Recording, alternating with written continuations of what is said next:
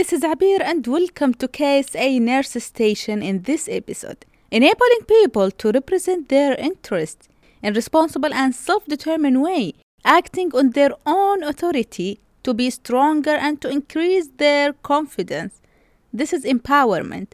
In the era of empowerment, the era of empowering Saudi women, and especially empowering nursing profession, our powerful episode today talking about nursing empowerment with nurse leader and director of nursing professional development, Ms. Sharifa Al Umairi. Through Zoom application, let's welcome Ms. Sharifa.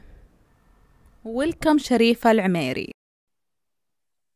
Uh, welcome, Ms. Abir. Thank you for your invitation and the great uh, introduction that you made. Could you tell us who's Sharifa? Uh, Sharifa, she's a nurse. I start, started nursing profession in 2008. I can describe myself as a faithful, ambitious woman, as you said, uh, and diligent to achieve my goals. This helped me to be promoted to nursing director position in a young age. But I found my passion in nursing education field, which allowed me to be a speaker in many conferences as well as I become a, certi- a certified trainer. I have master degree in nursing management and currently uh, affiliated with a master degree in business administration. Now I'm the director of nursing professional development. Ms. Sharifa, empowerment means sharing authority with others. How could leaders share their authority with their staff? Actually, a leader playing an important role in empowerment. Empowerment not necessarily sharing only the authority. Uh, authority be uh, given by the hospital administration or the health facility administration. But we, when we are talking about nursing empowerment, that we mean sharing with them the decision making. So we are engaging the nurses to be right. shared in our decision making in the hospital.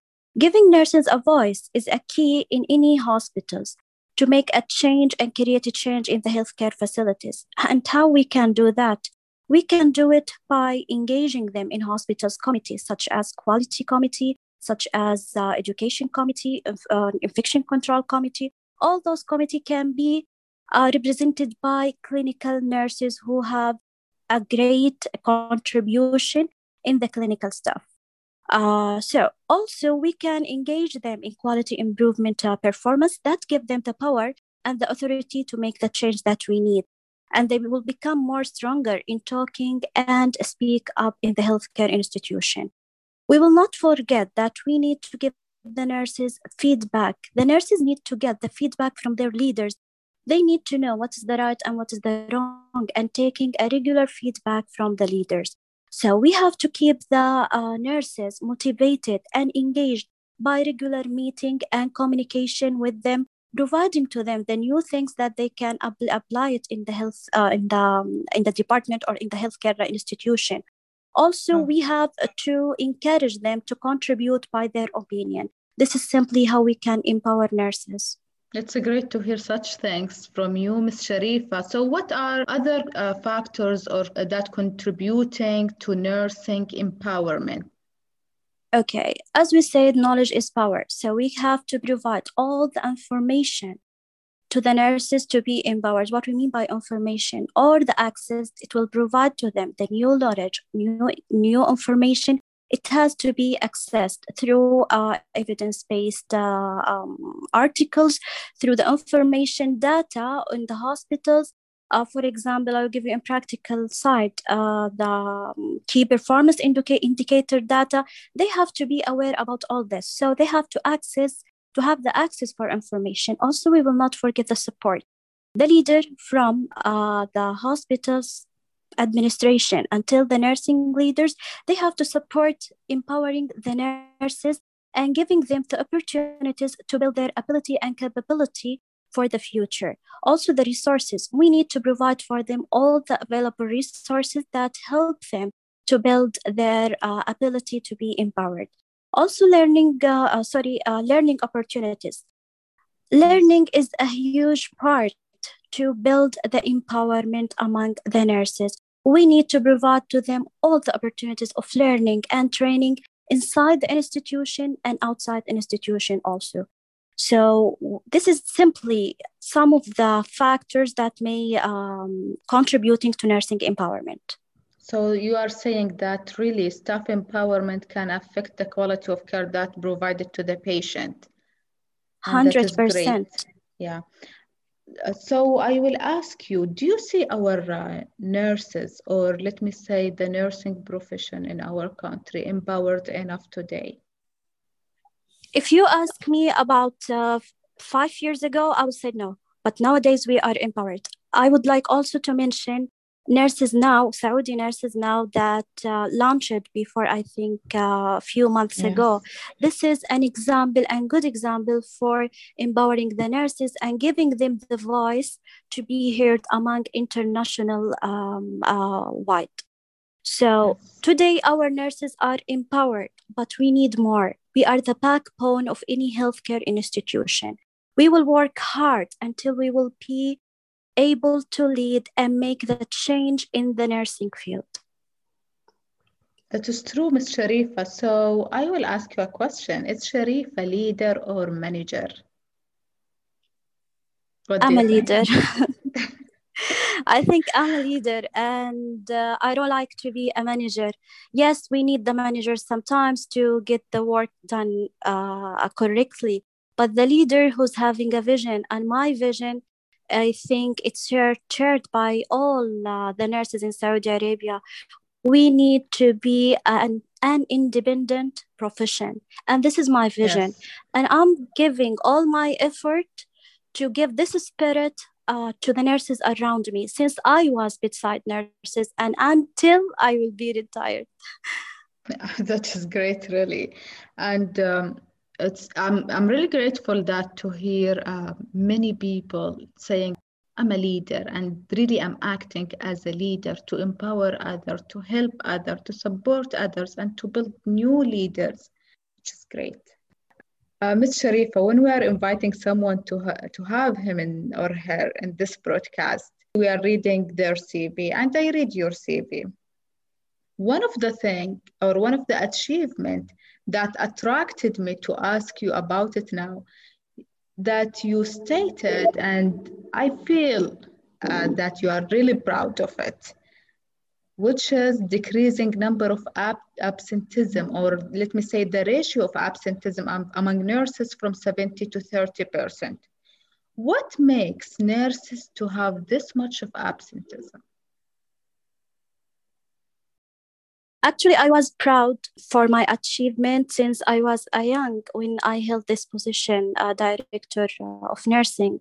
So one of the big issue that I faced at that time and the challenges is the absenteeism rate was 70% among the nurses.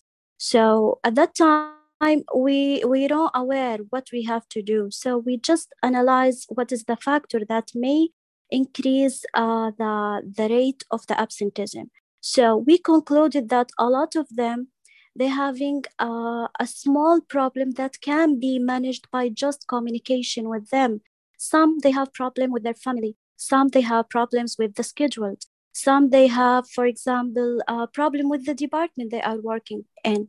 So the issues was very, very, very simple and can be managed but the only um, uh, gap was there is no communication we are not listening to the nurses we are just asking them to do to do to do the work without considering the other okay. factors that may, uh, may impact them so we we need just to communicate communicate and build a good relationship between you between your subordinate and between your colleague that is true. Trusted and uh, building a rapport or trusted relationship between you and your staff will make difference.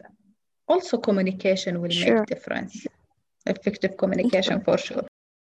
Ms. Sharifa, from this broadcast, always I like to emphasize that as a human, we love to be appreciated, recognized, supported, and trusted as well.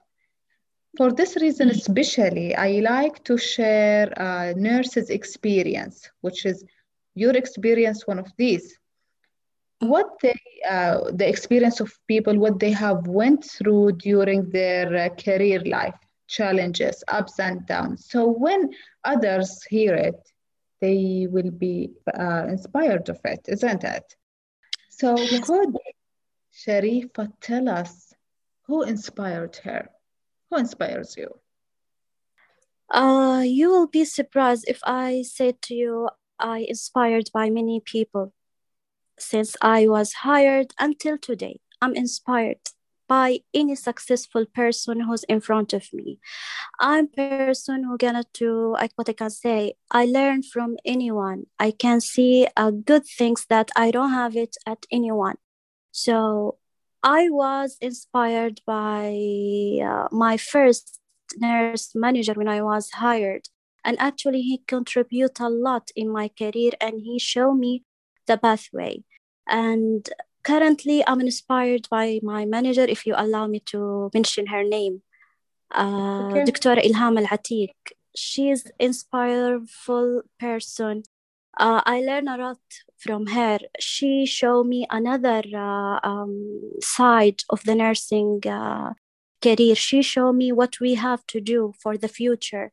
She's just shift our capability and ability to be, uh, uh sorry, uh, to be a pieces to build the future for the coming nurses, inshallah. Inshallah, that is great. Ms. Sharifa Al Umairi, I'm really glad to have you in this episode and to share uh, with us your experience and to be inspired person. Finally, thank you. We would love to hear a word from you to the new generation. Uh, first of all, thank you, Ms. Abir, for your uh, nice and soft words. Um, my new message for the new generation, or sorry, my message to the new uh, generation that they don't have to wait anyone to empower them. They have to build their self empowerment, which means they have to give themselves the permission to succeed how they can do that by identifying their goals in life not only in profession. Also they have to increase their knowledge and to remember the knowledge is a huge power and we need it all of us all the time. They have to increase their skills and competencies especially the nurses the new nurses. And uh, i hope all the success and they will continue the career after us inshallah. Yeah, that is true, and that is great to hear from you. So thank you, Ms. Sharifa. And remember, we are shining together.